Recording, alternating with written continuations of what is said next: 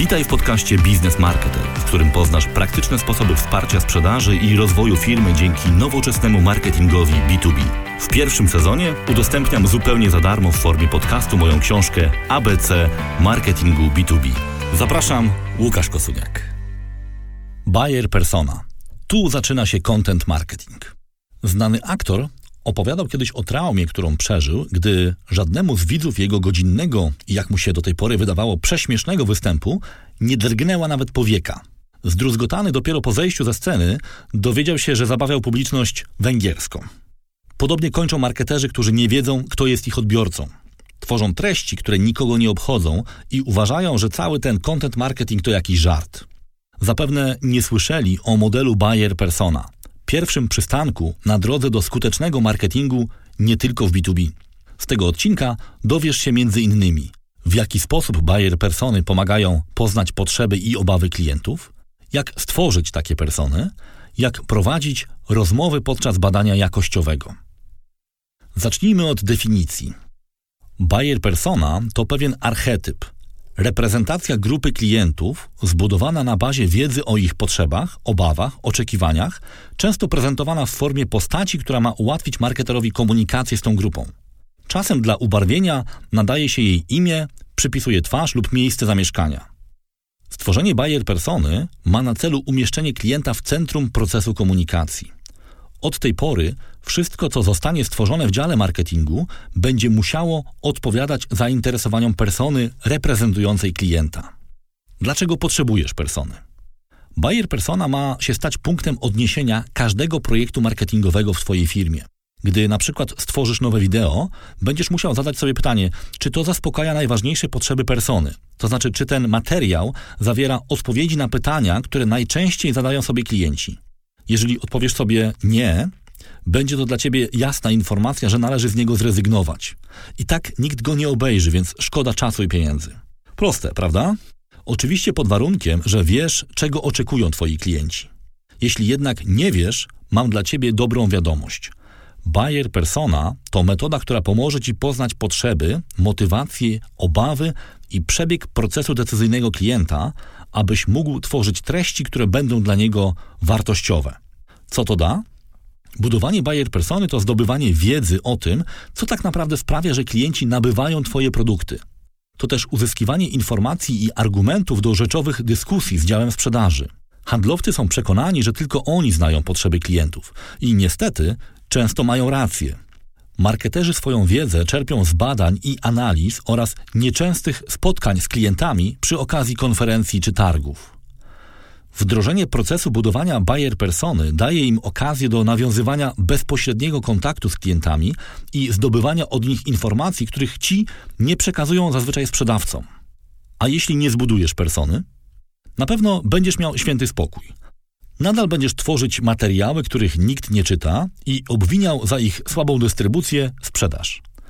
Ta w dalszym ciągu będzie uważała, że marketing nie ma pojęcia o klientach, a marketing będzie się domagał większych budżetów, których zarząd nie będzie skłonny mu przyznawać ze względu na słabą skuteczność jego dotychczasowych działań.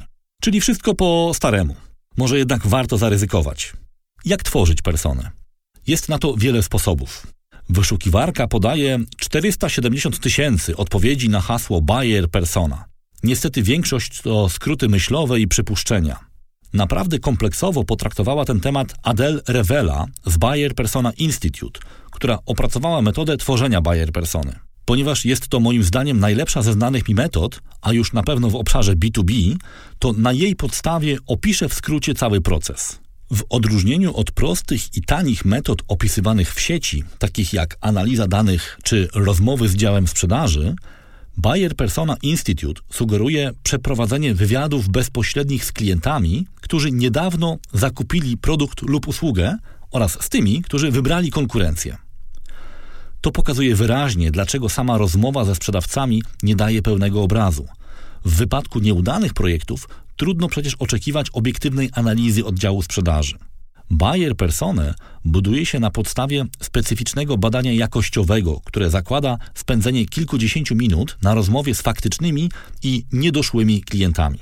O co pytać persony? Adele Revela proponuje skupienie się na pięciu obszarach. Pierwszy kluczowe projekty. Inaczej Projekty lub problemy, którym obecnie klient poświęca najwięcej czasu. Oczywiście mają to być zagadnienia, w których Twój produkt lub Twoja usługa mogą się okazać dla niego przydatne.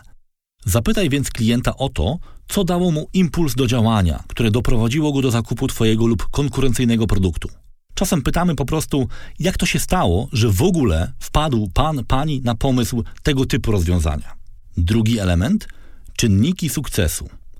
Do każdego zdefiniowanego kluczowego projektu lub problemu warto przypisać oczekiwania klienta.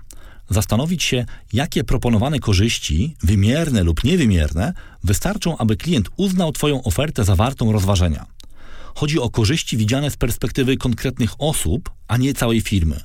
Mogą to być zmiany zauważalne na pierwszy rzut oka, takie jak na przykład wzrost sprzedaży, ale też bardzo subtelne, na przykład lepsze postrzeganie danego pracownika przez zarząd.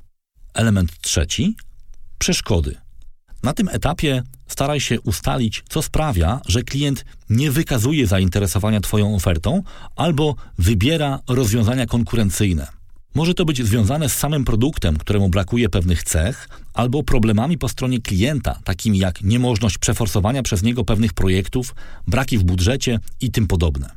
O tym dowiesz się dużo od niedoszłych klientów. To oni znają odpowiedzi na większość pytań, które warto zadać w tej części wywiadu. Punkt czwarty. Ścieżka zakupowa. Na tym etapie postaraj się ustalić, kto i w jaki sposób w organizacji klienta podejmuje decyzje, na podstawie zebranych informacji będziesz mógł powiększyć grupę osób, które warto objąć badaniem, ponieważ mają znaczny wpływ na proces decyzyjny. Tu też widać kolejny powód, dla którego takie wywiady powinni prowadzić marketerzy, a nie sprzedawcy. W procesie sprzedaży klienci nie są zbyt skłonni do dzielenia się taką wiedzą, ponieważ traktują ją jako wartość dającą przewagę w negocjacjach. Jeżeli jednak badanie jest prowadzone poza procesem sprzedaży, udzielają zazwyczaj bardziej precyzyjnych odpowiedzi. Element piąty kryteria decyzyjne. Ten etap polega na zebraniu informacji o tym, jakimi kryteriami kierował się klient, faktyczny lub niedoszły, gdy podejmował decyzję. Bardzo ważne jest przypisanie poszczególnych kryteriów do konkretnych etapów procesu sprzedaży oraz osób decyzyjnych. Kryteria zmieniają się w trakcie procesu sprzedaży, ponieważ klient zdobywa coraz więcej informacji o Twoich i konkurencyjnych produktach oraz dołączają do niego kolejne osoby decyzyjne. Uzyskany na tym etapie zestaw kryteriów będzie się zatem różnił od tego, który możesz wyczytać np. ze specyfikacji przetargowej. W sytuacji zakupu oprogramowania inne aspekty będzie brał pod uwagę szef działu IT, a inne np. dyrektor finansowy. Tak zbudowane buyer persony będą Ci dawały pewność, że podczas prezentowania produktu lub usługi odnosisz się do problemów i wyzwań istotnych nie tylko z punktu widzenia całej firmy, lecz także najważniejszych osób decyzyjnych. Dzięki zrozumieniu ich oczekiwań i obaw oraz kryteriów wyboru, a także dynamiki, z jaką przebiega u nich proces podejmowania decyzji, będziesz w stanie trafnie reagować na ich zachowania na każdym etapie procesu sprzedaży. Podsumujmy. Jak widzisz, stworzenie buyer persony nie jest zadaniem na jedną godzinę, ale korzyści z takiej inwestycji są nie do przecenienia.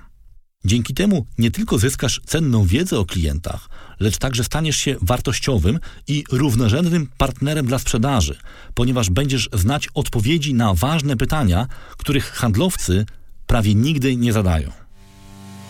To wszystko w tym odcinku podcastu Biznes Marketer. Jeżeli chcesz być na bieżąco, koniecznie subskrybuj nas na Twojej ulubionej platformie podcastowej. Wszystkie odcinki podcastu i dodatkowe materiały znajdują się na stronie biznesmarketer.pl, gdzie znajdziesz też link do zakupu mojej książki ABC Marketingu B2B.